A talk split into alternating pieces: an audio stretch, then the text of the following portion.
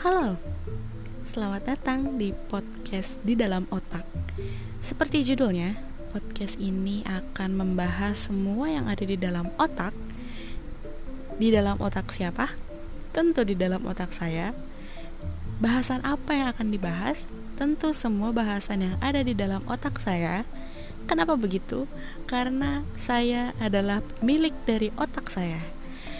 Hmm, Pembahasan ini akan membahas semua hal yang cukup mengganggu saya sampai bikin nggak bisa tidur. Jadi selamat datang di dalam otak saya.